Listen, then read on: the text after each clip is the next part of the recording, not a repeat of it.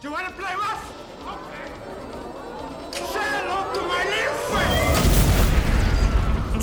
hører på Filmmaraton med Stefan og Andreas.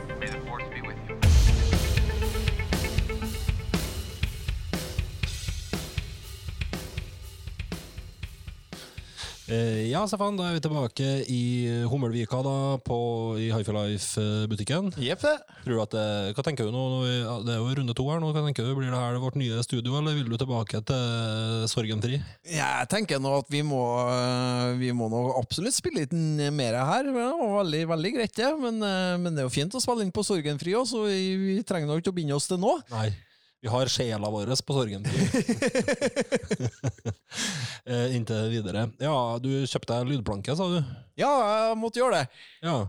da tenker du? Følte ikke det som et svik mot Hifi Life? Nei, når hans øh, standpunkt er at lydplanker ikke er noe særlig, så må nå bare gå utenom, da. For at øh, for min bruk så er lydplanke veldig, veldig bra. Ja. Men jeg, jeg passa på å kjøpe en lydplanke som kan være en del av et sett, da. Ok, ja. Riktig, riktig, riktig. Ja, nei, du har rett i det. Jeg har ikke tilbudt noe mye lydplanker på Hifi, Hifi Life, så må bare, må bare beklage det. Eh, men, har veldig, men eh, det, du ser nå sjøl at det er veldig mye andre fine ting her. Å, absolutt. Eh, Det er veldig lekre høyttalere som er, rundt oss her, også, og de trykker bra av. Absolutt. Jeg skal få deg til å sette på noe sang, sang etterpå. Ja. Skal vi høre på litt musikk etterpå Ja. når vi er ferdig med det her. Litt? Jahn Teigen på full guff. Når vi er ferdig med det her. Fisle narrepanne i Tyrol.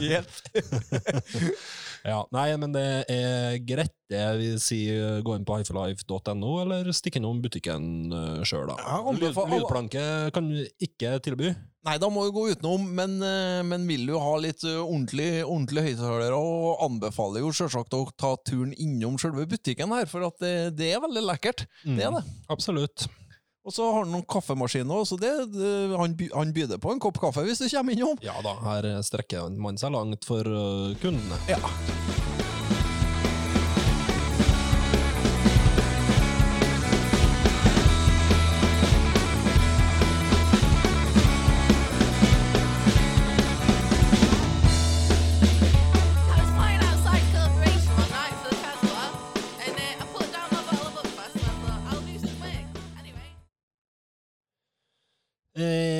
Har vi kommet, velkommen. For, forresten, vi har kommet til episode 24 Ja, ja.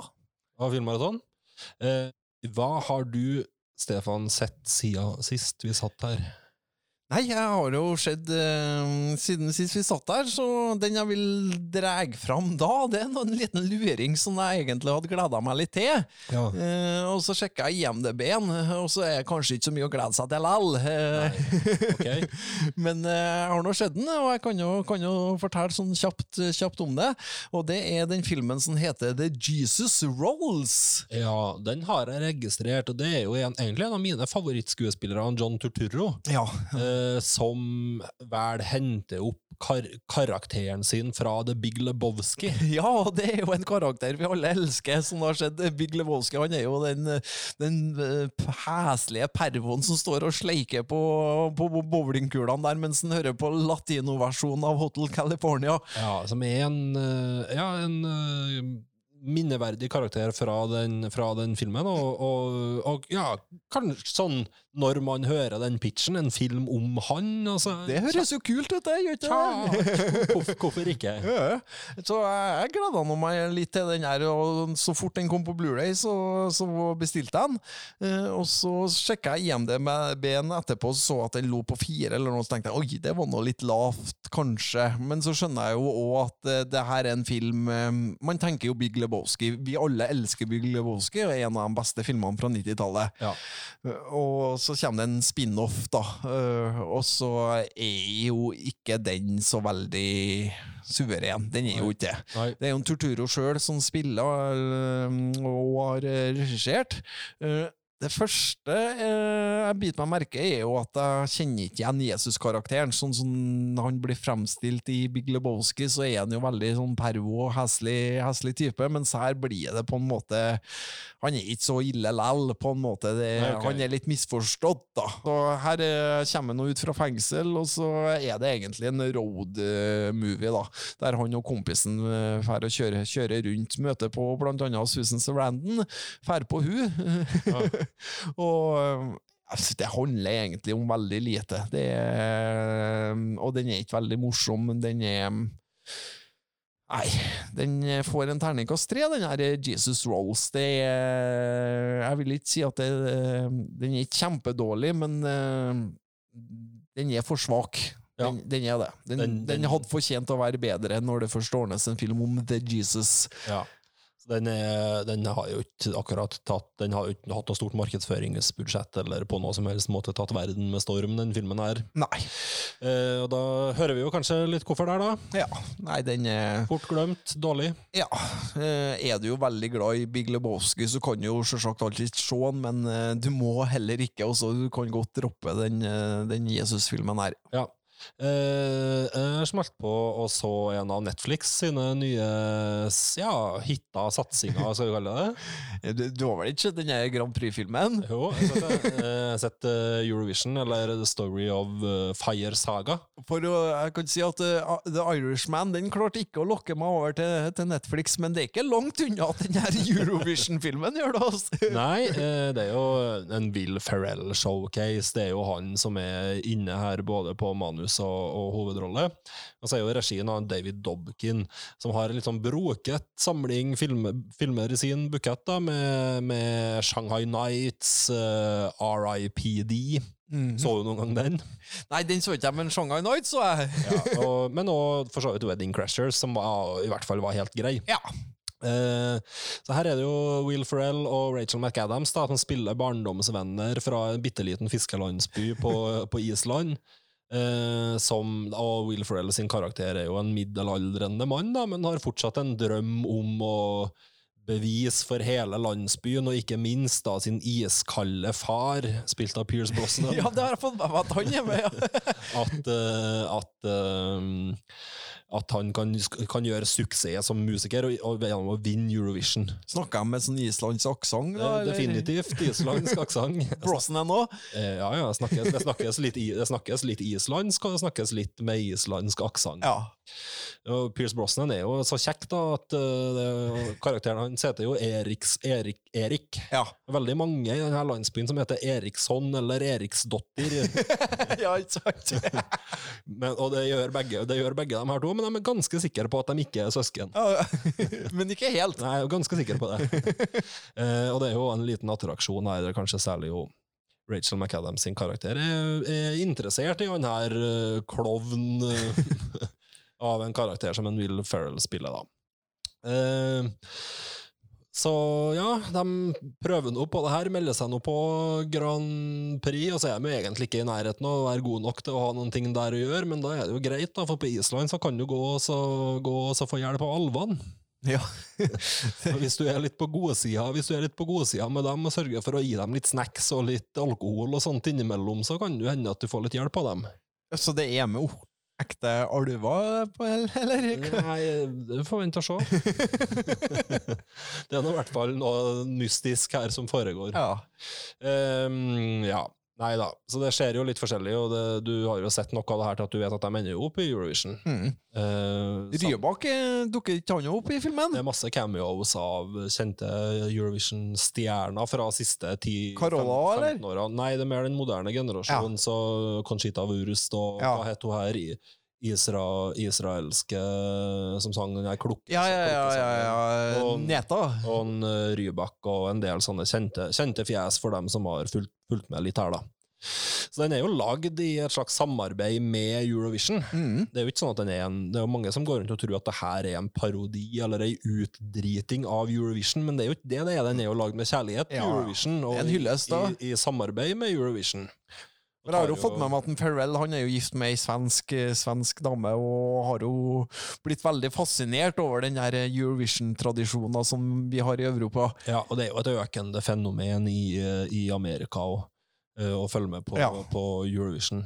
Så det er jo med internett og kan du si ja, mer globalisering, Ja. av, globalisering av kultur, kan Litt du sant, si, så har det jo blitt, sånn. et, eh, blitt et fenomen utenfor Europa òg. Men det er fortsatt mer enn nok amerikanere som har sett denne filmen og lurte på om det her er noe som finnes på ordentlig òg. Ja, det er det sikkert, ja. Eh, det, det er det jo definitivt. Men det er jo, men det er jo en slags musikal. Det er jo, det er jo masse, masse musikk her. Ja, det er ganske kul musikk òg, ikke det? Eh, ganske underholdende. Ja, ja, ganske ja underholdende. Ja, det er sånn Grand Prix-musikk. underholdende musikk, kan man jo si at, det- si at det er. Den er ikke så verst. Nei, eh, jeg tror den er ganske så kul. Jeg har jo forstått det litt sånn at det er ikke en av Will Ferrell sine sterkeste filmer, men for min del så hadde det ikke vært det for å se en Will Ferrell-komedie, det har vært for å se en Eurovision-film. Ja. Så tenker Hva er de store titlene hans? Talladega Nights, Anchorman, Stepbrothers, Step Brothers, Elf Mm, ja. eh, Ish. Så er den nok i sjiktet rett under der et, eh, et sted, da. Ja. Så det blir sånn solid og god firer-variant. Ja. Men det kan jo godt hende at eh, du som er Eurovision-mann, eh, finner den ekstra prikken en plass her, da. ja. Men det er ikke så langt unna, det, altså. Nei, Uh, Den er definitivt uh, for du får hele Grand Prix-showet og Ja. Eh, du, du, får det. Den er litt lang, den er vel ca. to timer, som er, som er lenge nok for komedie. Ja, det er lenge nok, ja. Uan, uansett, da. mm. Men uh, samtidig jo for så vidt ganske i, i, relativt jevnt underholdende, er den. Eh, Så den er i anbefaling. Den ligger selvfølgelig på Netflix. Det er vel den eneste plassen du kan se den nå, da. Vi går, eh, vi går eh, videre, for du snakka om i stad at eh, du ville heve på en par filmer til her. Eh, Du hadde sett både Parasitt og Little Women. Ja, det er jo filmer som du har, eh, du har snakka om tidligere. Ja, vi må være litt kjappe på dem, da. Ja, så eh, det, det jeg vil si om Parasitt, det er, det er en sekser. Den, den fortjener all hypen den har fått. Den er skikkelig bra, den er skikkelig underholdende, den er skikkelig spennende, og den er skikkelig artig. Og eh, Kreativ, overraskende, Ja. eh, sjangerlek. Eh, lett tilgjengelig, og, det, og den er smart, men du må ikke være, altså, man må ikke sitte og tenke men, mens man ser den heller. Det, Nei, den er ikke smart for å være smart. Nei. Det er mer sånn at du blir imponert over at den er smart. Ja, at, Eh, just, ikke, at, ikke at du føler deg dum. Nei, altså her ble jeg underholdt, men jo da, den sier noe et eller annet om samfunnet òg, i samme, samme slengen. Den sier definitivt noe om samfunnet, og som du sier, eventuelle språkproblem forbundet med at den er på, er på koreansk. eh, Det er et meget lite problem her, altså. Mm. Eh, Den er me- meget Ja, det er jo herregud. Det er jo det her filmen her som er 2019, liksom. Mm. Det her er den store, det her er den store filmen fra i det. Eh, Så nei, eh, hypen er fortjent. Sean, hvis du ikke har sett den allerede. Ja.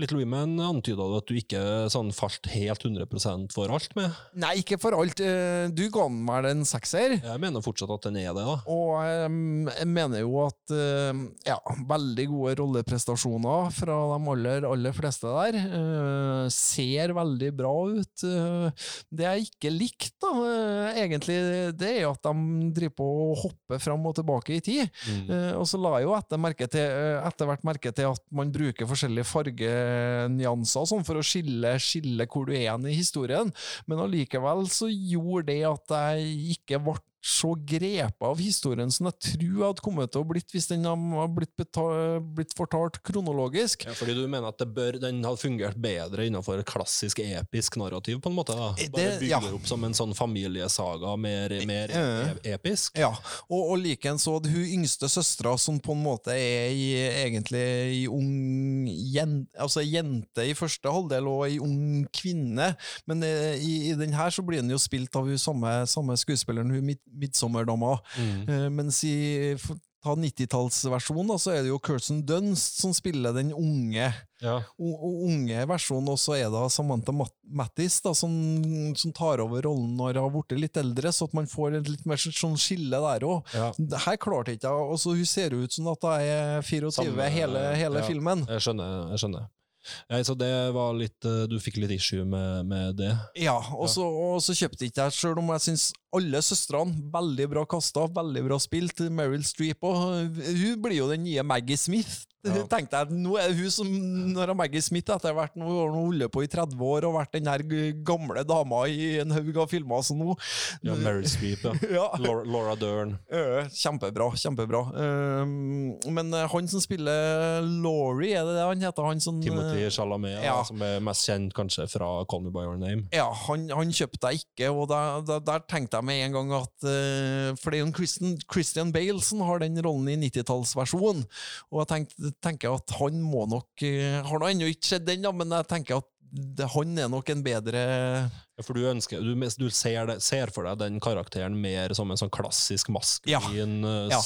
altså, Mens eh, Timothy Chalamet nødvendigvis har mer en sånn gutteaktig Eh, ja, eh, utstråling. da Sånn jeg ikke helt kjøper i den settinga ut ifra den tida den er satt i, da. Nei, Kanskje mer når den er, mer når den er yngre. Ja, når den er yngre Laurie, da, da, da er det greit, men når det er han eldre Laurie på en måte som ender opp med å gifte seg med hun, hun ja, jeg, ser du, jeg, ser, jeg ser hvor du kommer fra. Hva lander du på her? Hvor, Jeg lander på at den er en svak femmer, og tross alt, også, for det er, en, det er jo en veldig god historie, og det, det er en solid film. Ja. Det, Jeg vet eh, folk som har hata den òg, så den er sånn, den er ikke like, den er ikke like obvious uh, elsk. Den er, den er ikke sånn her. Nei, Men, eh, men jeg syns den er meget uh, solid og god, altså. men jeg fikk lyst til å Så vi, vi skal se den 90-tallsversjonen. Vi har snakka om det mye nå, men en, en, en dag så kommer den. Jeg har sett etter litt sånne gamle lovnader.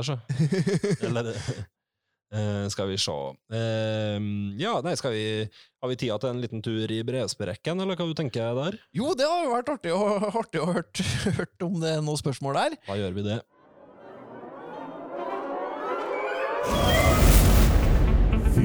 Filmmaraton.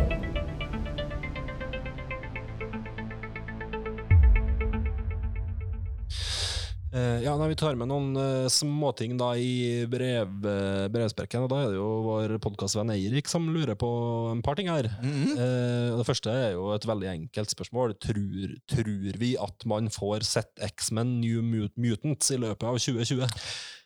Ja, det var et godt spørsmål. men uh, skal jeg svare det jeg tenker sånn umiddelbart, så sier jeg ja, men ikke på kino. Jeg vil si ja. uh, og det er fordi, rett og slett fordi nå har de satt en ny premieredato 28. august. Da skal kinoene i USA, hvis ting går som planlagt, være åpna igjen. Mm. Men hvis jeg tar et oppfølgerspørsmål, tror vi at den kommer til å tjene, tjene inn budsjettet sitt? Ja, det, nei, det, det, Det mer, tror, det tror jeg ikke han hadde gjort uavhengig av koronaen, Det, eller? jeg- det, er, det, er mer, det er mer eh, skeptisk til. Så jeg jeg er forsiktig optimist til at vi får se den, men det kan godt hende at den kommer i en sånn her i en sånn her, Kommer den på en Disney i- Plus, sånn da? iTunes eller Disney Plus-variant, ja. Eh, og det er jo en, det er jo en litt snedig, snedig film. Den er jo sammenligna av alle ting litt med Breakfast Club og, og Stephen King, og det er mye rare referanser. Den Har jo potensial til å være jævla kul, vet du. For det er hun fra um, Game of Thrones. Det er hun fra Macy Williams fra Game of Thrones, og så er det hun som spiller hovedrollen i The Witch. Og så er det han ene fyren fra Stranger Things. Og Banderas. Jeg så ikke han i traileren, da, men han er vel inni der. Han, enig, ja. jeg? Den er jo mer sånn Den er litt mer sånn eh, Ja, den har noe, noe sånn Stephen King, Stranger Things og Breakfast Club inni Ja, for de, De gjorde vel om hele opplegget når It slo an så gæli, var ikke det, da? Det var snakk om det, og så ble jo, den jo satt på hold i et år på grunn av det oppkjøpet når Disney kjøpte Fox. Mhm. Um, og så videre, og så videre, og så videre. Så her har det jo vært så mye tull og kål at jeg tror, jeg tror kanskje faktisk at det her er en film man etter hvert har gitt opp å tjene inn uh, pengene på. At man Mm. bare kommer til å kjøre den som et tapsprosjekt, og eventuelt faktisk gi den en litt mindre kinorelease, og kjøre den ut på og kjøre den ut på iTunes og Disney Pluss, da, kanskje? Mm, mm. Eller kanskje bare Disney Pluss?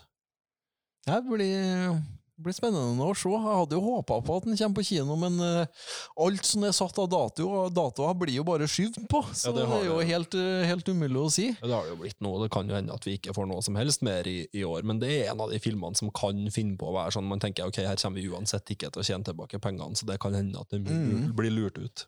Så vi sier, vi sier jeg, fikk, når jeg fikk det her spørsmålet først, så tenkte jeg bare nei, punktum. Ja. Men så har jeg tenkt meg litt om. Så tror jeg jeg lander på ja. Jeg tror vi får se den i 2020. Mm.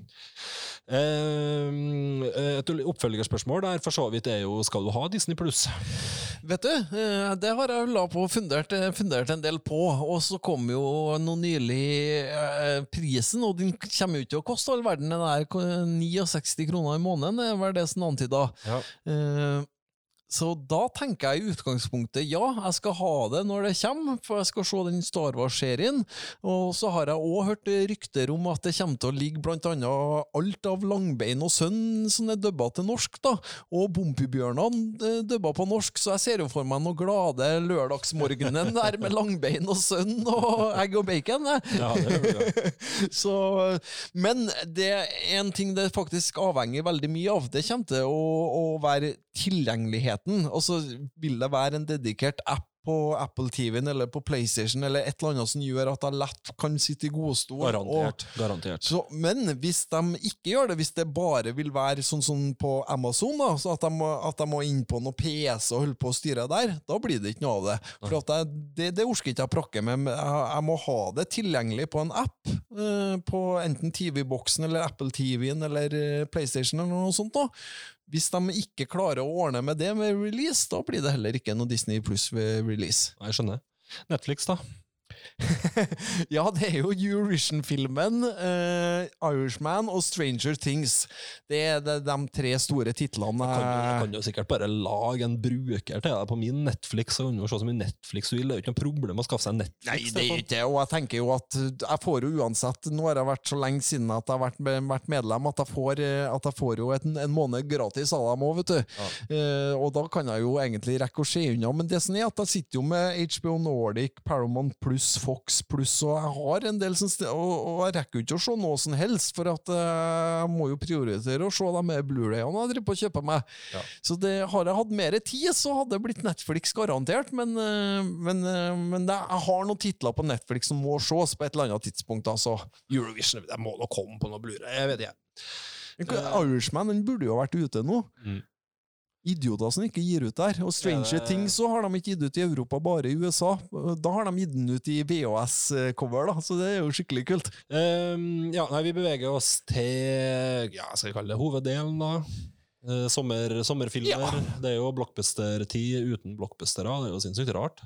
Ikke den eneste blockbuster. Tenk deg hvor eh, Vi kan jo gå tilbake til den episoden vi spilte inn i januar, der vi snakka om alle filmene vi gleda oss til i 2020, og det var jo veldig mange, vet du. Vi, vi sa jo at det her kommer til å bli et godt filmår, og det var så mye filmer vi gleda oss til, og ikke, ikke noe kommet.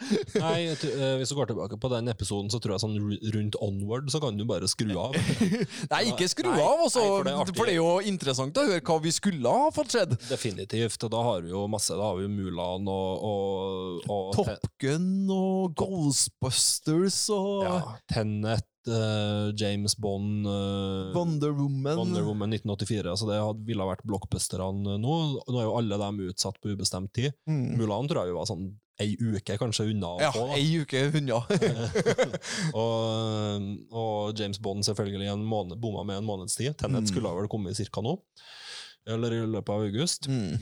Eh, men det er jo ikke sikkert at vi får se noe av det her før neste år, da.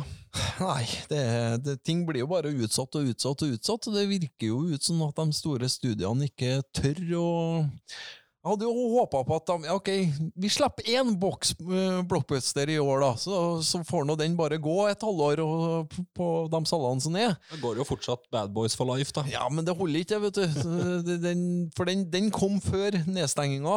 Den gjorde det. Den er kul, da. Eh, Men jeg kan jo komme litt tilbake til Jeg har kalt én kategori her for action slash Will Smith.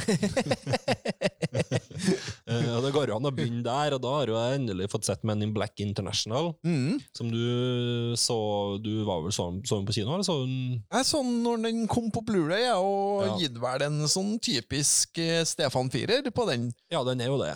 Eh, det er jo han F. Gary Gray som har lagd den, som er regissøren bak eh, Friday. da. Mm -hmm. men òg selvfølgelig Be Cool og, og Furious, Fast and Furious 8, Åtteren, ja. ja. som er decent. Eh, ja. Mm, En del sånne, sånne ting. Mhm. Ok, ok blockbuster-karriere, og selvfølgelig lagd mye musikkvideoer og sånt. da. Um, her er det jo Chris Hemsworth og, og Tessa Thompson som er det nye Men in Black-teamet, base i Europa. Mm, Liam Neeson eh, som sjef i England. Ja.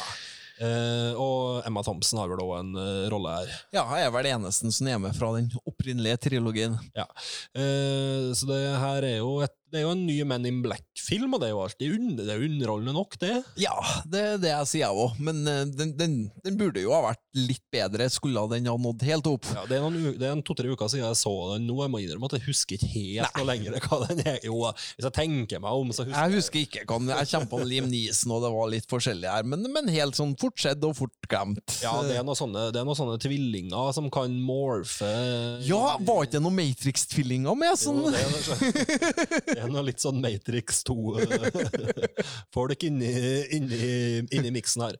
Men uh, karismatisk og sjarmerende hovedrollepar, liker dem. Mm. Uh, absolutt. Uh, Chris Hemsworth er jo en fyr som har tatt kjempesteg siden han litt sånn Hva skal jeg si Snubla litt inn i Thor-rollen i sin tid. Ja. Uh, har nå blitt virkelig vokst, vokst i løpet av det tiåret, tiåret der. Og Tessa Thompson har jo vært sånn up and coming eh, lenge, da. ja, hun syns jeg er veldig bra. Hun er veldig bra. Eh, selvfølgelig òg fra Thor. Kjent fra Thor-universet. Ja, det er jo hun som er. Ja. Eh, den gjorde det brukbart. eh, Tjente vel sånn cirka dobbelt av budsjettet, tenker jeg, og er vel en sånn eh, ja, semi- semi-hit, da. Ja, som uh, tilsier at vi sikkert får noen mer Men in Black etter hvert. Ja, Om den kosta en milliard å lage, så tjente to, eller noe sånt. Den, det er noe sånn roughly i den gata, gata der. Um, ellers så så jeg jo Bad Boys for Life, som jeg prøvde å få deg til å se nå, men du er ikke så gira på det. Nei, en sånn, for jeg vet at den der kommer til å være en Stefan Pyrer. Ja. Og den ser jeg, ser jeg godt eh, hjemme i godstolen. Ja. Eh, det er jo Bad Boys 3 Ja. i praksis. Og det er en firer. Eh, den, er, den, er, en- den er sterk, den. Ja jo, men, men det er en firer. Ja, det er en firer. eh, lagd av Adil El Arabi og Bilal Falal, som vi snakka om i forbindelse med Beverly Hills Cop-maratonet. Å ja! Det er dem som har, skal lage Beverly Hills Cop 4, eller har lagd Beverly Hills Ja, Cop, ja. eh, Cop eh, 4. Da. Uh, så det, det her er jo en slags variant av Dødelig åpen 4. Mhm. uh, we're getting too old for this shit. Det, er jo, det er jo det som er Men har de fått inn noe Joe Pesci-karakter? karakter? Joe Pesci vet jo ikke at en Joe Pants er med i filmene her. Å, eh, ja, det er en, ja! Ja, Da trenger vi ikke noe Joe Pesci hvis en Joe Pants er med. Joey Pants. Her er du jo ikke oppdatert i det hele tatt. Det... Eh, som spiller da den sinte sjefen. Og det er jo det som gjør at det blir en sterk firer, skjønner jeg. Ja, den, men den, her, den er bra, altså. Ja, ja. Uh, det her er ikke noe bullshit-greier. det. Er, det her er en kul, effektiv eh, Ja, det er jo altså, Bad Boys har jo alltid vært blanding av Dødelig våpen og Beverly Hills Cop. Liksom. Det har jo vært greia helt fra dag én, og den, den er jo veldig tydelig i den, i den uh, tradisjonen der. Mm. Uh, vanskelig å mislike de her to kisene. De drar rundt Ja. selv om de, de ja, Men er rapp, eh, Martin Lawrence en rappkjefta som den skal være, eller? ja, det er noen Will Smith er action og tøff. Ja. Ja, akkurat som det skal, skal, skal være her. Det er ikke, det er ikke en Will Smith som er kom, the comic i, i den duoen her.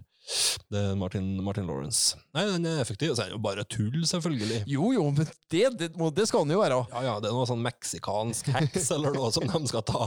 Heks, ja. Og det er jo helt, det er jo helt sprøtt. Eh, men eh, den har jo akkurat det du vil ha. Det er sinnssykt feit sånn neonfilming i Miami, og det er, bil, det er bilkjøring, og det er skyting og plaffing, og, Ja. og leiemordere på motorsykkel, og det er liksom akkurat det du tror at det er, da. Et, og et eh, lydbilde som gjør seg bra på Atmos-rommet til en André, tenker jeg. Ja, og drithøyt tempo. Ja. Den eh, gjorde det selvfølgelig bra. Det er ikke noe overraskende at den eh, gjorde det. Hadde vel et budsjett på ca.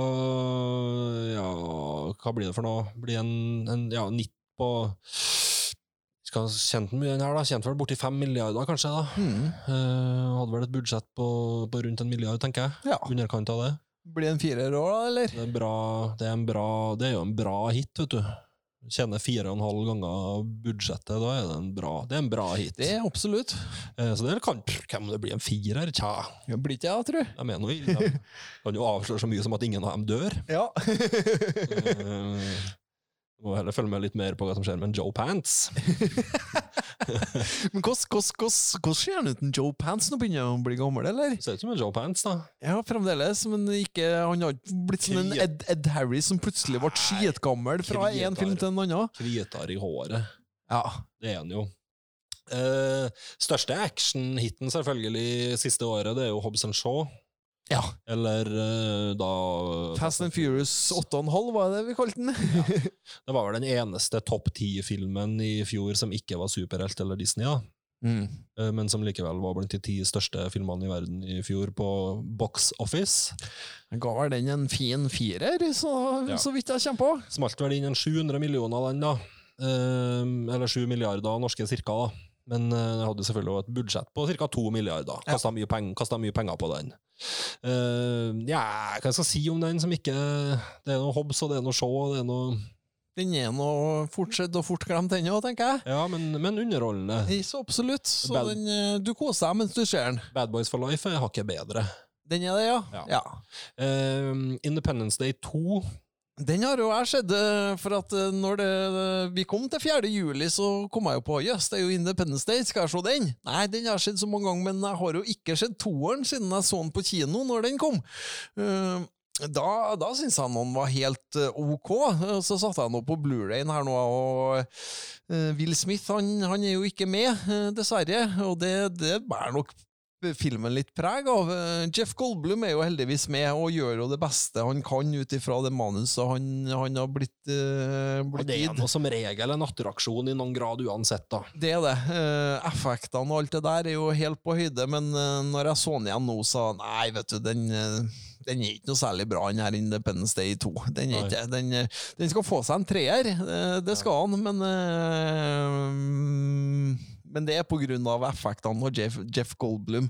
De kunne ha fått det så mye bedre av, eh, av det, da. Eh, lagt litt bedre tid i manus og venta til at en Will Smith har vært ledig, så, så hadde det nok eh, blitt bedre. For det er en hovedkarakter som liksom er litt sånn, ligner litt på. Det er jo sønnen hans, da, vet du. Det, det er sønnen hans, men det, det funker jo ikke det der, vet du. Det, det gjør ikke det.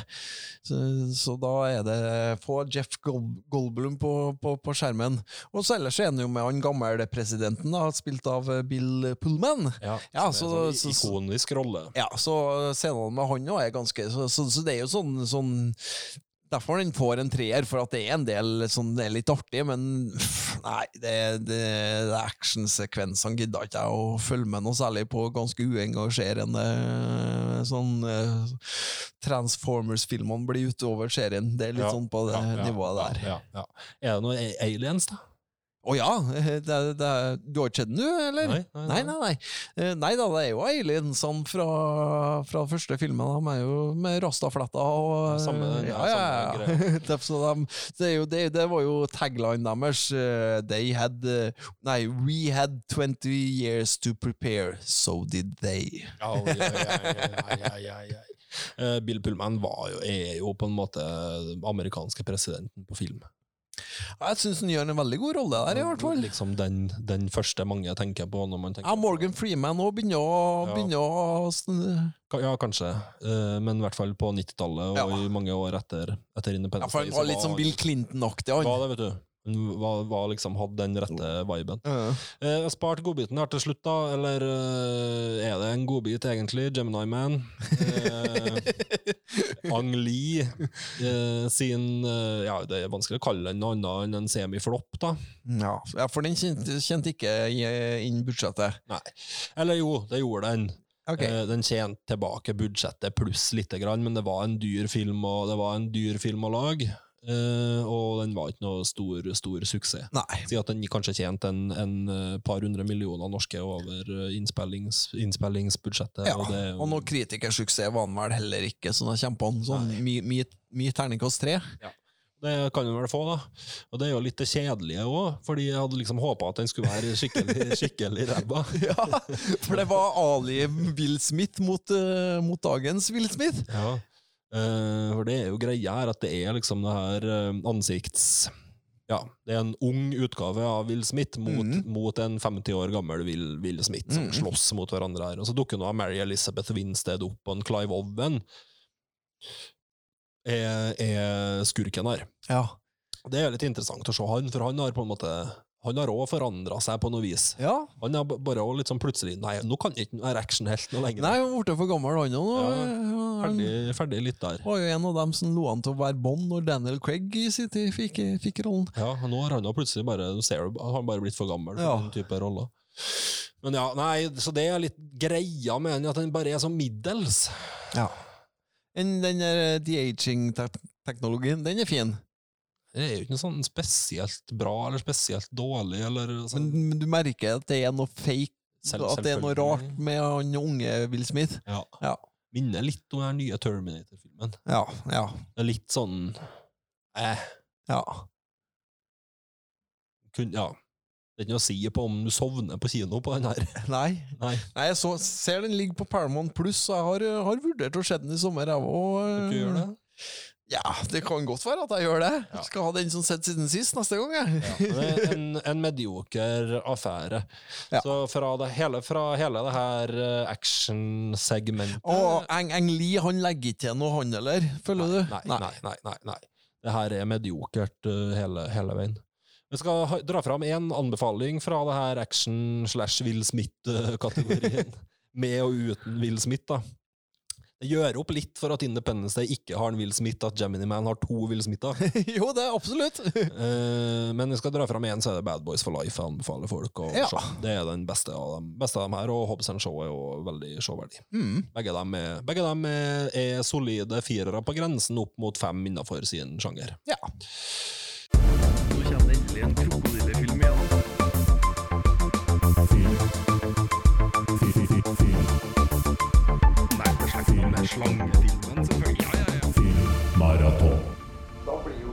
det til meg.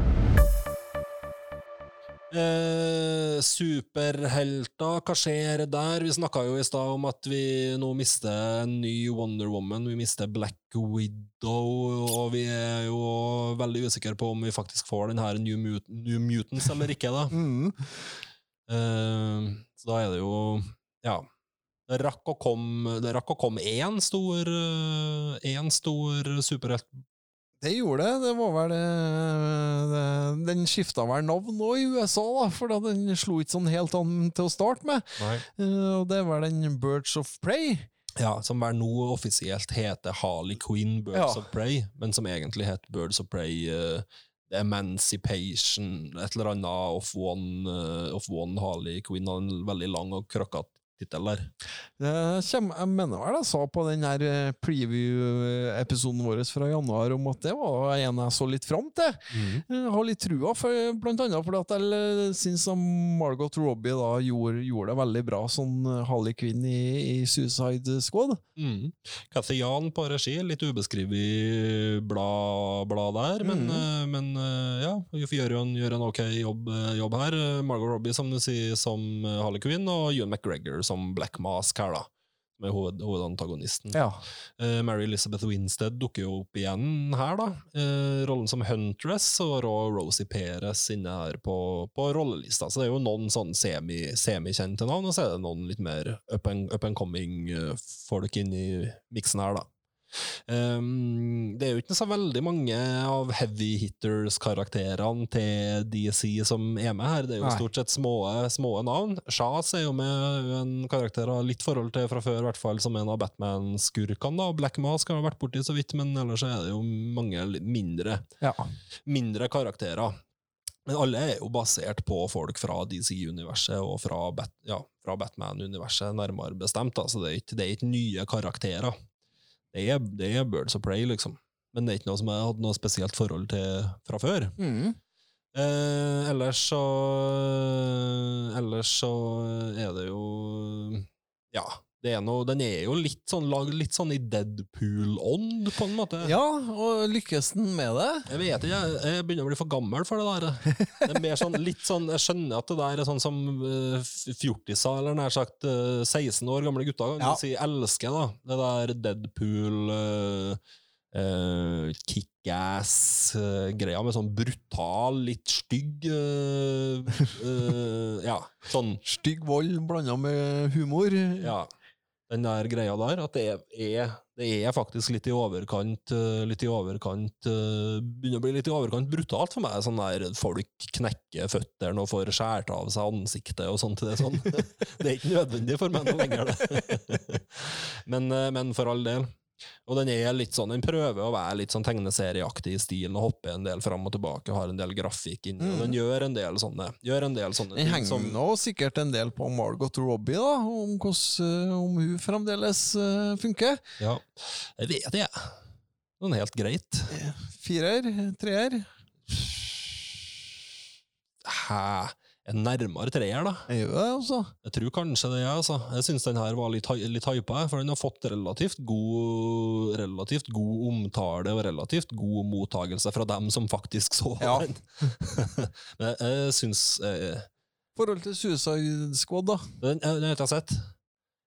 Jeg, jeg har ikke sett den, så det er vanskelig for meg å, å, å sammenligne. Men den her er, den her er ganske leken og, og, og underholdende, har høyt tempo. Ja. Jeg, jeg tror ennå jeg kommer til å like den her, altså. Ja, eh, eh, utelukker ikke det. Jeg gjorde det dårlig på kino. Jeg tjente bare, Ja, ja, men... tjente bare, bare i hermetegn 200 mil, som på en måte betyr gikk med et ganske kraftig tap for Warner. jeg Ja, tror det totale budsjettet var nærmere tre, tre millioner på den. her. er. Kjempestort. My, altså ganske mye større budsjett enn Så det, så det var jo en av grunnene til at de skifta tittel, for at Birds of Prey, hva faen er det, liksom? Det, Ja. men så kom jo koronaen, så rakk vel ikke å, å, ta, inn, ta inn det tapte heller. Nei, jeg har tenkt litt på det, hvorfor den gjorde det så dårlig. Vanskelig tittel er en av tingene. Eh, et, lite etterspørsel etter Harley Quinn-karakteren, liksom. I seg sjøl. Det er Ja. ikke nok i seg sjøl, bare Suicide Squad den fikk jo et veldig dårlig rykte. Ufortjent dårlig rykte, syns jeg. da. Det er jo for så vidt Will Smith med å gjøre det, gjøre det ganske kurant. Ja. Eh, Idris Elbasen har tatt over rollen i toeren, som kommer en gang om Ja, Ja. sikkert uh, ferdig innspilt, men kommer om fem år. Ja. Og, og generelt mangel på tunge DC-navn her, da. mm. Sånn, ja, du er, du er, gans, du er gans, ganske god peiling på DC når du begynner å synes det er fett å få se Huntress, Ja. og, Huntress og Black Mask og Shaz, liksom. Da, Men hvordan funker en da, da er du langt da er du, Det er ikke innerste sirkel, det, altså. Nei. Hvordan funker han i Ewan McGregor, da? Ja, han, jo er, en, han, eh, ja, ja, ja, han er grei, han. Han er grei. ja. Spiller sånn sless kaldpsykopat. Ja. Ja, helt, helt, helt greit. Ja. Um, ja. Nei, et sted mellom tre og fire. Ja. Svak firer eller grei treer en eller annen plass. Ja. Plass der for min del. Men, Å, eh, jeg, skal, jeg skal nå se den etter hvert, jeg òg, så da skal vi nå komme en, en liten eh, terningkast fra meg òg. jeg registrerer at det er mange som liker den bedre enn det jeg gjorde. Ja. Uh, men uh, ja. Var ikke sånn innertier for min, eller jeg følte meg, følte meg litt for gammel for den, rett og slett. Følte deg litt lurt, gjorde du. Følte meg litt følte meg ført, ført bak lyset. Alita Battle Angel, det var en sånn semi-hit. Det var det. eh, En film eh, som jeg styra godt unna når jeg så på kino. Jeg likte ikke posteren. Bare sånn 'å nei, en sånn CGI-karakter og ser ikke ekte ut, ser ikke bra ut'. Eh, Kom med noe på Blu-ray, og så endte den opp i samlinga mi for at det var noe sånn tilbud på platekompaniet med fem for 200. Så den, den, den ble noe med, i hvert fall. Ja. Eh, og, og så valgte jeg nå å sette på den en fredagskveld, og du verden hvor jeg kosa meg. Jeg ble skikkelig positivt overraska over den Alita Battle Angel. Den var veldig, veldig godt skrudd sammen. Og eh, ja, hun ser jo sånn CGI-falsk ut, men du får på en måte alle, alle nødvendige forklaringer på hvorfor ting ser ut som de gjør. Og og da er det greit, på en måte. Så eh, det var en film som jeg, jeg syns var både rørende, underholdende og, og veldig, veldig sånn Nei, en sterk, sterk femmer, også, faktisk, ble Du, det. du er der, ja. Jeg, Ja. jeg har sett den, og det er mer på fireren på den. Ja. eh, Men uh, den, er, den er jo basert på en manga, og er jo et kjent råmateriale, vel visstnok i, i bunnen her, som jeg ikke har noe forhold til. da. Ikke jeg heller. Har, Men, null, så til meg så går det kanskje litt på den overraskelsen for at jeg dømte den litt sånn når den kom, den, ser, basert på den, ser litt, eh, den ser litt ut som Spy Kids 5 Ja, ja, ikke sant? på, sånn, eh, på posteren. Uh, Eh, men eh, den er egentlig Den er slett ikke Christoph Waltz så veldig sympatisk, og du, du ble veldig sånn glad i det forholdet mellom han og Alita, og, og Ja. du sitter virkelig og heier på Alita, da, og, Ja. og jeg syns action, actionscenene ble da veldig engasjerende òg, i og med at du fikk et sånn godt forhold til ro rollefigurene. Ja, jeg husker Et av hovedproblemene mine var at slutten føltes veldig rusha. Eh, at den hoppa Den tok veldig store steg i løpet av det siste kvarteret kontra det den gjorde i løpet av den første en og en halve timen. Ja, det går an kanskje at de vleppa, vleppa opp en litt for uh... Føltes, føltes litt rusha, som om at det her var egentlig mer enn nok. Den kunne ha slutta et kvarter før, og så hadde det kunnet kommet en, opp, en oppfølger som egentlig kunne ha hatt nesten alt innholdet i det siste kvarteret. mm. Den føltes litt sånn ja. Jo da, eh, men Skjønner du hvor jeg kommer Ja, fra? jeg, jeg, jeg, jeg, ser, jeg ser den, altså. Men um, allikevel den der positive overraskelsen da, som jeg fikk, på en måte, i og med at jeg satte den på og var, var skeptisk, tro, trodde ikke at jeg kom til å like det her noe kjempegodt, og så ble jeg veldig mye mer engasjert i filmen enn hva, hva jeg så for meg. Mm. Den var litt en sånn sleeper-hit. Den gjorde det ganske bra, og, og, men uten å bli noe sånn spesielt hypa eller Mm. eh, veldig, veldig, veldig tungt markedsført, egentlig. Ja, regi Robert eh, Rodriguez, ja. men eh, og, Kanskje derav Spy Kids-estetikken. Ja, ikke sant? Ja. Men òg James Cameron, da, som, som i utgangspunktet skulle regissere den, eh, men, men, eh, men er nå inne på produsentsida og manussida og sånn, så Det er flinke folk her, vet du. det er det. Men den, eh, den gikk litt under radar, kanskje delvis pga. litt issues med markedsføringa. Ja, de, de, de bomma nok på markedsføringa for min del, i hvert fall. For, for øh, det var en film sånn Nei, den her gidder ikke jeg å se, jeg orker ikke dette her. Men, men så var det jo faktisk en film som var veldig, veldig i min ånd. Det blir litt som den her John Carter, husker du den? Ja! Som bare Hva er det her? Ja. Det er, jo, det er jo en av de største floppene de siste tiårene, og er jo litt ufortjent, for den er jo slettes ikke så dårlig, den heller. Nei, men, men bomma veldig på markedsføringa. Ja. Eh, ja, uh, du har hosta opp en glemt variant her òg, liksom en ti-tolv år tilbake. Ja, det var en uh, sommerkveld her. Jeg satt og sa nå har jeg lyst til å se noe sånn, noe sånn blockbuster-aktig. Eh, men sånn er lenge siden det har skjedd. Eh, og da kom jeg på at jeg har jo ikke sett den eh, Incredible Hulk. Den har ikke jeg sett siden jeg og du, Andreas, så den på kino i 2008. Og da så vi vel egentlig den bare sånn i påvente til, til The Dark Knight. Ja. For det var jo det som var den filmen vi gleda oss til den sommeren, kommer jeg på. Men, eh, men Hulken kom en måned før, og så ja, ja, da, da, da ser vi den.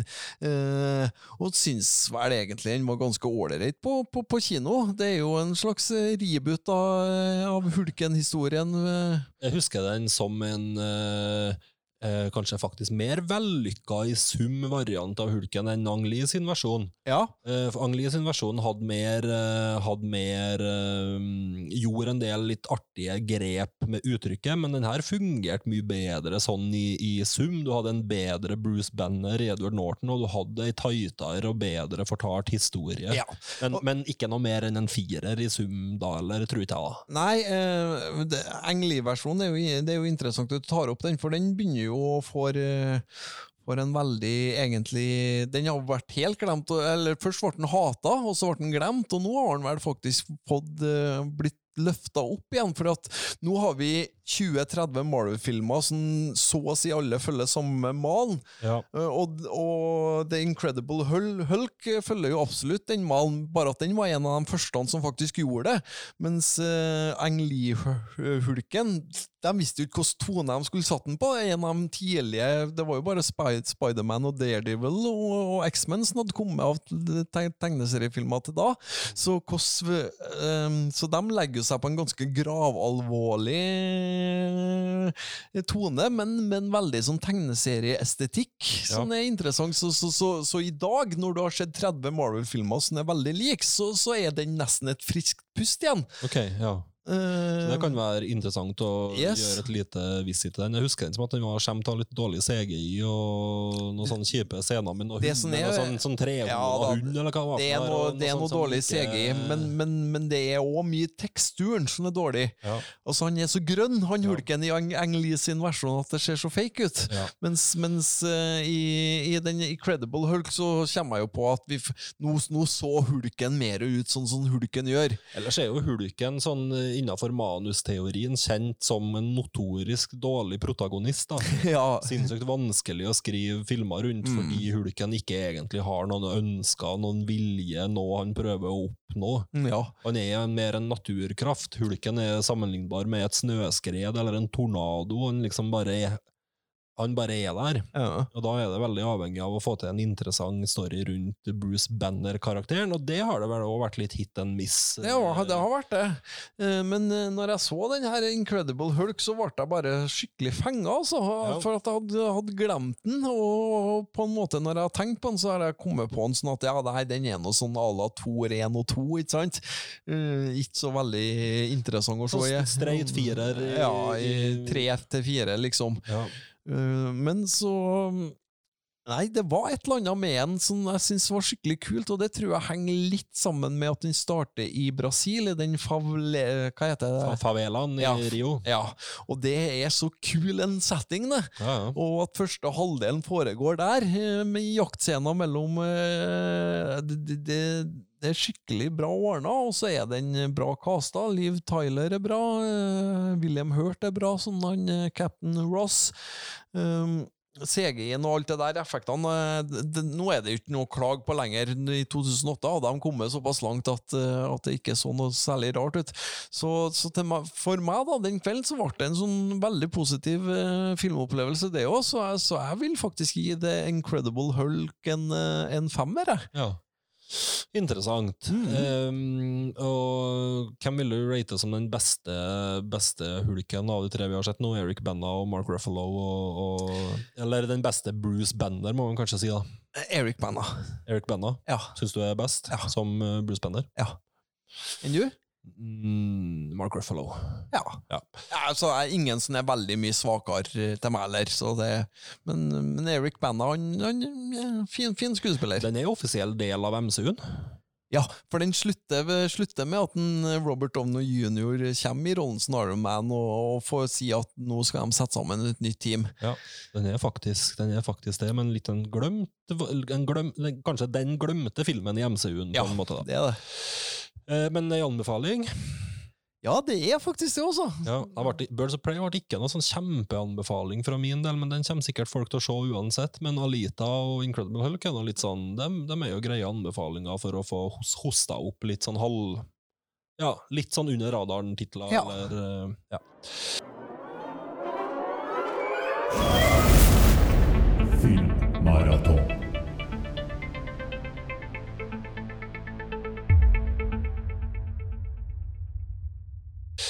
Eh, til slutt her, da. So eh, sommeren er jo skrekkfilmtid. Ja, det er det, ja. For da kan du sitte opp om nettene, vet du. Ja, Nå det- fri og greier. Det er noe med det. Så det er jo definitivt høysesong for, eh, for det. Nå snakka vi jo så vidt sist om, eh, om, om, om, om, om The Rental. Ja. Uh, som er litt i den ånden her, men uh, ja, en av de siste filmene som rakk å komme sånn akkurat i koronabreaken, det var jo The Invisible Man. Mm. Eh, som, Den eh, har jeg på tur i, på Blu-ray nå, for den kommet ut, kom ut, kom ut der og nå. Ja, det er jo Blumhouse eh, Universal. eh, basert på H.G. Wells sin klassiske roman, basert på klassiske Universal monsterfilmene, men da selvfølgelig flytta inn i 2020-drakt. Her er det jo Elisabeth Moss eh, som i praksis er egentlig Det er en, nesten en solofilm for hennes del. da. Ja. Eh, Det er jo andre karakterer her, selvfølgelig, og hun har jo andre mennesker rundt seg, men det er jo i veldig mange scener hun, hun for seg sjøl. For det er ikke Kevin Bacon som spiller den usynlige mannen. Nei, og det er veldig lite trenchcoater og, band og band bandasjerte ansikt. um, det er en som heter Leo Vanell, eh, som han har skrevet manus til alt av så Insidious, Ja. Uh, som har eh, regien på, på det her. Um, og den er bra, den er ganske bra, altså. Um, Jeg har trua på den, jeg vet ikke hvor mye jeg skal si om hva det handler om, men det er jo en... Men den er skummel mer enn den er underholdende, eller? eh? Elisabeth Moss eh, sin karakter prøver å komme seg ut, rømme fra et, eh, et toxic relationship, og han ekskjæresten hennes blir funnet død etterpå. Men så begynner det vel å dukke opp litt sånn merkelige merkelige hendelser som får henne til å begynne å lure på om han egentlig er død likevel. da. Ja. Um, for han var nemlig en, eh, en verdensklasse um, optician, altså sånn lys, lysmester, eller sånn lys og linser og sånn, så hun mistenker han for at han kan ha klart å dikte og funnet opp en drakt som han kan gjøre seg usynlig med. Ok. Det høres jo litt teit ut, Jo, lite grann, men, eh, men, men litt Men- interessant da. men eh, jeg lover, jeg lover jeg lover dere som hører på, det er at den her er ganske guffen og Mhm. skummel og god. Elisabeth Moss er jo solid, ikke sant? Mm. Eh, Hun er jo fra Moss, og så det er jo litt interessant eh, når vi har uh... Snakk bare tull. Nei, det er jo litt, det er litt jump scares. Uh, jeg syns han skjemmes litt av noe litt middels CGI her og, her og der, men uh, i sum så syns jeg den her var bra. altså. Ja, kult. Det Bloomhouse, de er, de er bra, de. Ja, jeg er helt enig. Uh, vet, hva de vet hva de holder på med. Terning eh, fem.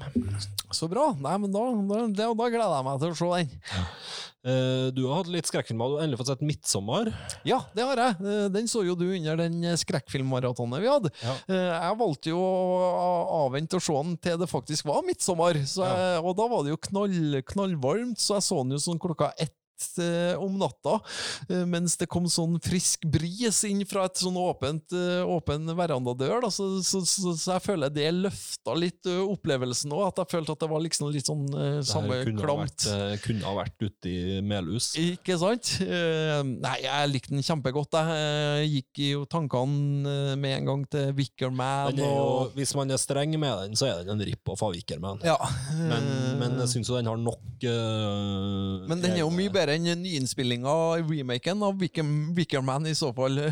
En bedre film enn Wickerman, på en måte, men er, Wickerman har jo den kult, det kult ja, jeg, jeg vil ikke si om den er bedre enn originalen, Nei, nei, men, men men, altså- men, men av remaken så er den ganske mange knapp, knapp over. Ja. Uh, guffen og så, så jeg tenkte, vet du, hvis det er sånn svenskene holder på å feire midtsommer, så får de lov til å feire det i fred også, for det har jeg egentlig tenkt at det har vært litt kult å vært med på en svensk midtsommerfeiring, men nei, vet du, det er sånn som de holder på, og sånn, jeg kunne egentlig tenkt meg til det, at det er litt sånn typisk svensker her, kult og eh, hva de holder på med. Kunne du tenkt deg en sånn blomsterdrakt?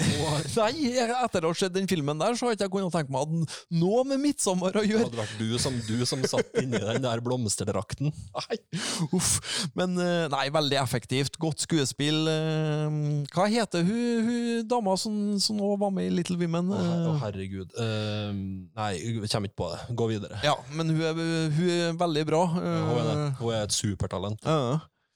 Uh, Sjøl om hun her spiller jo så ukarismatisk òg. Ja, det, det hele, nettopp det. Hele greia med hovedkarakteren. Hun er kjip, liksom. Uh, Men så skjønner vi kanskje hvorfor òg, da. Uh, Ja. Det, det er jo noe bakgrunner der. Sure, ja. Det, det er jo flere der som Ja, er ja, kjipe. ja, ja, ja, ja. Nei, det er ikke en skrekkfilm som er for alle. Det er det ikke. Det, det er nok mange som ser 'Midtsommer' og blir skuffa, for at det er og den er litt artsy, den er, kan oppleves som langdryg. Litt, litt pretensiøs. Ja, det, så, jeg, så jeg ser de punktene Og For min del, så iallfall når jeg så den altså Tid og rom og alt det der klaffa veldig bra, så jeg fikk en meget god filmopplevelse og en sterk femmer på den. Ja, nei, den er, den er bra, den. Skjønner, du- skjønte du den. skjønner du den linken jeg gjorde nå til disko? Ja, absolutt. Absolutt Skjønner så ser jeg diskolinken, ja. Hvor jeg kom fra når jeg sa at disko var litt sånn, hadde litt Ja, sånn ja, ja. Ja, for det er sånn de holder på, så får det Uff. Kutt ut. Um, så ja um, Du har òg sett Cape Fear. Ja, den er! Altså, da, og da er vi på 90-tallet, ikke sant? Ja, den er fra 91. det, det, det, 91. er ikke originalen. Det her er Scorsese sin Cape Ja. Fear. For det, det er en film jeg setter veldig høyt, vet du. Og sånn, sånn jeg holdt på å skjedd sånn noen somre, la oss si at det går en fem år imellom, da, så, så setter jeg på Cape Fear igjen. Eh, Martin Scorsese, ja. Uh, rent, rent sånn kommersielt produkt fra han, det er han jo veldig åpen på, at det her gjorde han for, å, for pengene sin del, og at han da fikk avtale om at da fikk han ordne noe titler han sjøl hadde lyst til i etterkant. Tungt parodiert av The Simpsons, blant annet. Ja, ja, ja. Uh, musikken, eh, det er jo så, samme musikken som den 62-versjonen. Den har jeg sett bare én gang. Eh, Den ble litt for gammel for meg, rett og Ja, slett. ja. Eh, Den, den ble for, for fjern tid. Ja. Selv om jeg ser at det er en dyktig film, så er det en 91-versjon som er min versjon. Og, og jeg syns den den er knallegod. Altså. Kjempegode skuespillerprestasjoner. Du har jo Robert De Niro tatovert og heslig der, ikke sant? med, med sørstatsaksent. Og en av mine favoritter, Nick Nolte, som han plaga advokaten, og jung Juliette Lewis eh, der. Nei, så det er en, det er en Og den jo foregår jo, foregår jo rundt sånn 4. juli. Eh, eh, og er en fin, fin film å se på sommeren. Så eh, til dere som ikke har sett den, eller er mange år siden dere har sett den, så sett på Cape Fear igjen, for det er en veldig Det er så dyktige folk, vet du, både foran og bak kamera. Og og Steven Spielberg er jo òg med gjennom Amblin Entertainment på produsentsida, og var vel den som overtalte Scorsese til å, til å ta, ta, ta regien. Eh, så det, det bare klaffer alt. Det, jeg vet det den har fått kritikk for, er at den bryter litt med eget, sitt eget realismegrep på slutten, når han blir en sånn Når han, Robert De Niro sin karakter blir nærmest en Michael Myers-aktig, eller litt sånn overmenneskelig sånn skrekkfilmkarakter i, i et ellers realistisk univers, og det husker jeg at var litt det issue jeg hadde når jeg så den en gang på 90-tallet, men jeg har, sett, jeg har ikke sett den på fem, kanskje 25 år. da. Neida, jeg, jeg, kan gå med på at den siste halvtimen er ikke det som er det beste på filmen. Den er nok best den, den første en og en halv timen, der du ser den familien som delvis bryter sammen, og han psykopaten som, som er, gjør, gjør litt hva han vil, da, men kommer unna med det. Eh, nei, eh, effektivt fortalt, da. Ja. Eh, god film. Ja. Um, Fruktens sommer Jeg har jo på vært litt på 90-tallet, så man må, må dra fram noen gamle klassikere, vet du, Ja, tenker men det, jeg. gre- det er greit, det. For her er det tror jeg en del som hører på, som kanskje ikke har sett heller. Nei, ikke noe, nødvendigvis. Det er ikke, det er ikke en film man nødvendigvis har oppsøkt hvis man ikke var fjortis sjøl på, på 90-tallet. For det var jo vi. 'Frykten sommer den, den kom jo i 97, og da kom den jo på VHS. Sommeren 98 kommer jeg på, og jeg var jo kjapt ut og for på sykla til Selbu bokhandler for å sikre meg, sikre meg det eksemplaret. Og den kom jo da i kjølvannet av Skrik, og den og Urban Legend var jo på en måte, måte de eh, etterfølgerne til Skrik som, som jeg syns fungerer veldig bra. da. Ja. Ehm, det jeg kanskje la mest merke til nå når jeg så Fryktens sommer igjen nå, det er jo at eh, du har et firkløver der som fronter coveret som var superstars eh, i 97, da. Freddie Prince Jr., Sara Michelle Gellar, Ryan Philippe og Jennifer Love Hewitt.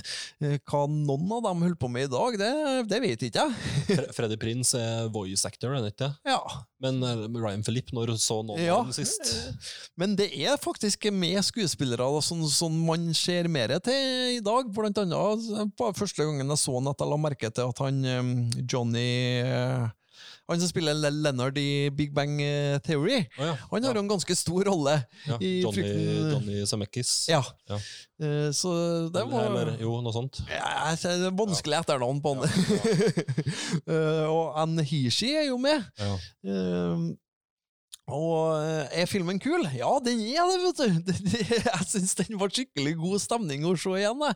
Eh, ja, det er jo bare tull, ikke sant? Eh, historien er jo kanskje, kanskje kjent, den. Det handler jo om at de kjører i hjel en person en sommer, og så sommeren etterpå da, så begynner jo karakterene å få en lapp om at I know what you did last summer. John, Johnny Galecki. Det hørtes riktig ut. Ja, ja det hørtes riktig ut. Eh, ja, nei, så det er jo klassisk 90-talls-slasher. Ja. Og det, og det er, og det er, tenår, det er tenårings-slasher. Ja, De, blir- som- de blir drept én etter én. Ja, Uh, det er basert på malen fra 80-tallet, men med den lille 90-tallstvisten da, som Skrik, skrik innført. Uh, ja Hvor, god, hvor god er den i 2020?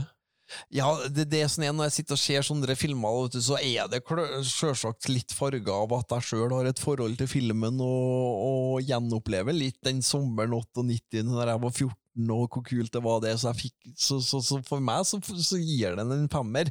Men jeg, for en person som har vokst opp i dag, ikke har noe av de her eh, samme referansene, og sånn, så vil jeg tro at den fremdeles er en effektiv grøsser. Ja. Men, men at den kanskje er en, mer en firerfilm, da. Det, for det, det er nok mer riktig. En nostalgiprikk fra Tollefsen. Ja. Eh, helt til slutt, er det en horrorfilm? Hva er det for noen ting? Eh, Zodiac? Det er vel mer en thriller, kanskje. Eh, Den hører jo kanskje til litt i landskapet her er jo Cape Fear og Invisible Man er jo like mye thrillere som Ja. grøssere. mm. Så Zodiac det er jo David Fincher sin, eh, sin take på den, eh, den historien. Eh, Son of Sam, som herja, herja i flere i noen tiår der. Så her følger vi jo Robert Downey jr. og Jake Gyllenhaal, som er journalister i ei avis, og, og, og litt deres ferd med å prøve å finne ut hvem en eh, Zodiac er, er da. Ja, er ikke Skal vi se han, uh, Jack Gyllenhaal er journalist, og han, eh, han, eh, Robert Downey er politi, er han ikke det? Nei da, han Nei, er eh, Mark, Mark Ruffalo. Som er Mark politi. Ruffalo som er politimann, selvfølgelig. Ja, og, og Zodiac, eh, Zodiac Killer er jo et av de kjente, uløste u- uløste massemorderne, seriemorderne i USA. Det er ingen enda som vet hvem The Zodiac Nei. Killer var. Det er det ikke. Det, det filmen skal ha kred for, da, eh, som jeg liker, det er at den tar et standpunkt om hvem som gjorde det. Ja. At den, og, og det er nok det som de fleste, fleste som true crime-podder sånn lander på nok er den mest sannsynlige morderen. Ja. Uh, og så tar Zodiac faktisk og gjør det til en sannhet, da. Uh, Ja. og jeg liker det. At, Ja. For da får du en, på en måte en slags closure på, på historien. Eh, den er jo litt lang, for at det der var første gangen jeg så den i en sånn director's cut, men ikke langdryg. Nei. Det er den ikke. Passer fint å se på, so, se på sommeren, og er nå en, en, en velskrudd og godt spilt thriller. Veldig tydelig, altså Fincher En homasj til 70-tallsfilm, egentlig, fra Ja. David Fincher. da den er jo, Det er jo All the President's Men oh, ja, veldig inspirert av den, ja. i, i true crime-drakt. Ja. Jeg syns den er fantastisk. Jeg mener det her er en klink sekser, og en av de aller aller beste filmene Fincher har lagd. ja, jeg er på en sterk, sterk femmer på den, jeg òg. Ja. den, eh, nei, den er god. Ja, den, den er, jeg syns den, den er veldig, veldig god. Mm. Jeg vil, eh, vil absolutt, eh, absolutt anbe, anbefale den. Eh, både fordi den har den der 70-talls-viben som jeg kanskje er litt ekstra Ja. svak for også, men òg fordi det er så spennende og engasjerende. Og den her scenen nede i kjelleren, med å lete etter de her filmplakatene nede i kjelleren, det er, så, det er jævlig. Ja, Det er nei, fælt. det er bra, bra stemning i den. Ja. Eh, Og kan også legge til at det er ganske kule, kule dokumentarer med på den Blu-rayen som, som forteller litt mer om Zodiac og etterforskninga og ting som skjer. For, det, for selve, selve historien òg er jo veldig, veldig fascinerende sånn, sånn i seg sjøl. For Zodiac er en sånn bullshit-seriemorder med masse koder og hemmelige Ja. tegn og lyst til å spille det her spillet, for, for, å si det, for å si det sånn, da. Så det er jo skapt for å ordne film vet du. Ja, det er det.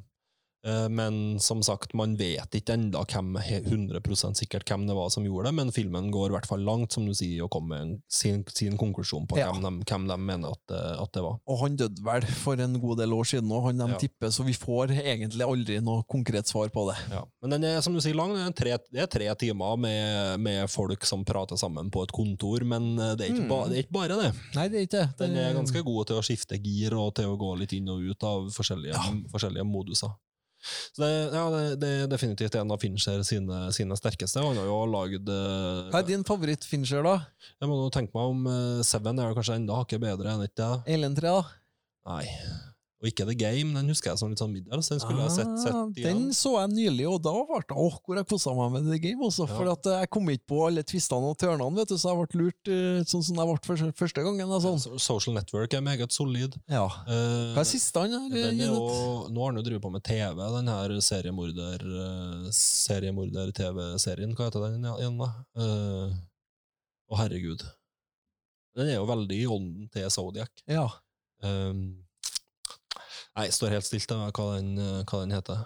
Men uh, ja, han har jo ikke laget så veldig mye filmer etter Social Network. Nei, jeg klarer ikke å komme på sånn konkret heller. Den jeg tror- Mulig det er en tittel eller to, men Den jeg mistenker at kanskje ikke har stått seg best av dem, det er Fight Club. Ja, tror du det, ja? Jeg har litt en feeling på at den ikke helt har stått seg Den seg var veldig hypa når den Den kom, i hvert fall. Den var så sinnssykt hypa, men det har kanskje alltid syntes at eksempel Seven har vært bedre. da. Ja. Likt den, likt den bedre, og liker nok kanskje også både Zodiac og Social Network bedre enn enn Fight Club. Uten at det nødvendigvis er noe angrep på Fight Club. Nei, det skal vi ikke. Da må vi iallfall se han eh, se den en gang til, før vi skal begynne å disse han, i hvert fall. For jeg, for jeg kommer jo på en sånn en veldig kul film. Ja, Men kanskje nettopp det. Veldig kul. Ja. Uh, og så litt ut, mer usikker på substansen, egentlig. Men uh, ja, skal vi komme med Hva er anbefalinga vår herifra? Invisible Man, mye anbefaling. Uh, jeg har nå Ja, da anbefaler jeg slår jeg et slag for Cape Fear, jeg. Ja, dra fram den. Så midtsommer går ut ifra at folk klarer å rote seg fram til sjøl. Ja. Uh, ja, og så hadde vi ellers eh, Bad Boys for Life, og, og for så vidt også både Alita Battle Angel og Incredible Hulk, som vi kan dra fram som er titler vi kan Ja. si at folk godt kan ta en, ta en kikk på. Men det, det er egentlig ikke noe av det her som er sånn direkte, direkte elendig. Det er det ikke. Uh, nei. Nei. Det er litt greia med Gemini Man òg, at den er Hadde den i det minste vært elendig. Ja, det har vært artigere, det. Hadde... Vært artigere om den var det. Ja. Det var liksom det eneste, den ikke, det eneste jeg håpa at den ikke var, det var terningkast tre. ja. Men nok om det. Uh, vi må ta med oss en kultfilm. Nå kommer det endelig en krokodillefilm igjen. Film. Fi- fi- fi- Film. Nei, på er med det jeg sier her til meg. Ja, eh, jeg har ikke sånn forberedt sånn kjempe, kjempemye på den, men, eh, men jeg har nå sett en, en eh, film av en serie som jeg liker veldig godt.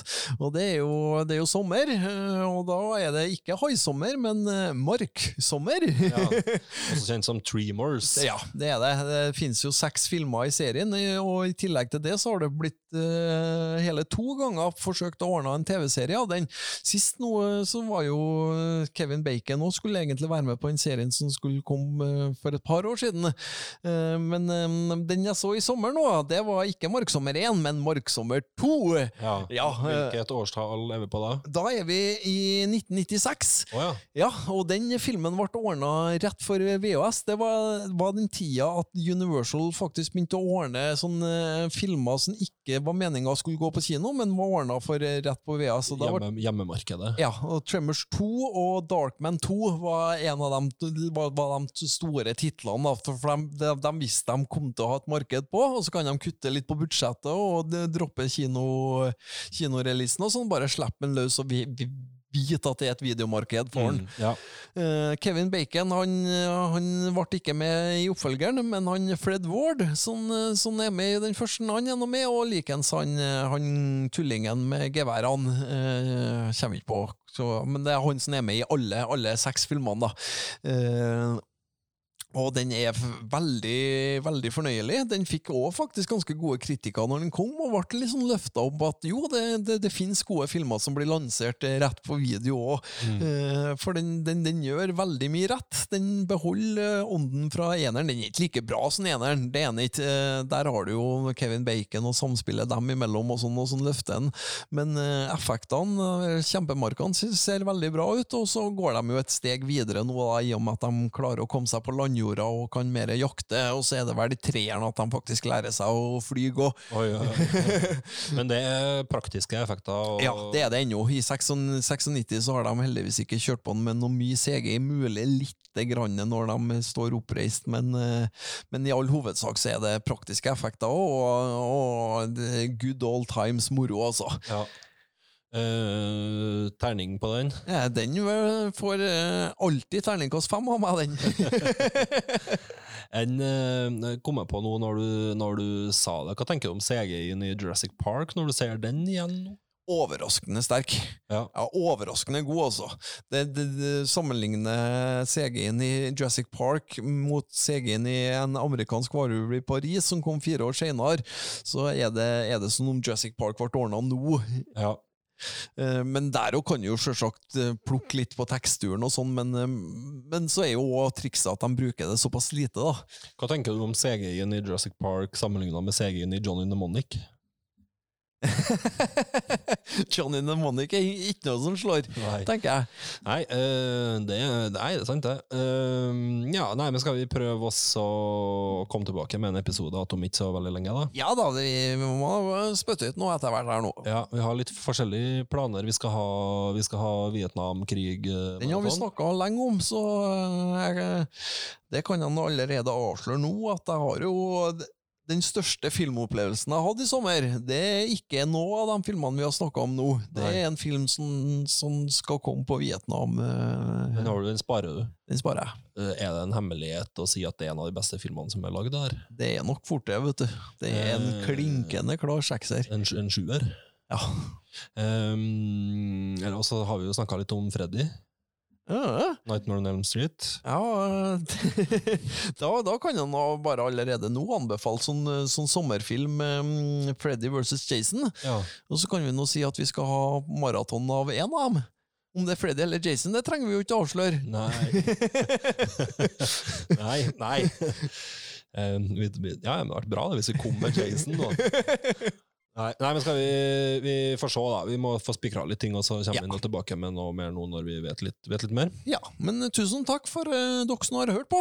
Ja, og så skal vi nå prøve å holde trykket sånn noenlunde oppe fra våre sider utover, utover høsten. Ja, Ok, skal vi si det sånn? det gjør vi. Eh, da skulle vi, skulle vi høre på Jahn Teigen, hva du sa? Eh, Fisle narrepå'n i Tirol blir det neste her nå, eh, mens sjefen er borte her nå, så skal vi Petter sprenge høyttalerne med litt Den, har, den har jeg på vinyl, jeg. Ja, tøft. Jeg har ikke den her, da. Eh, nei, men greit. Eh, ha det. Ha det bra.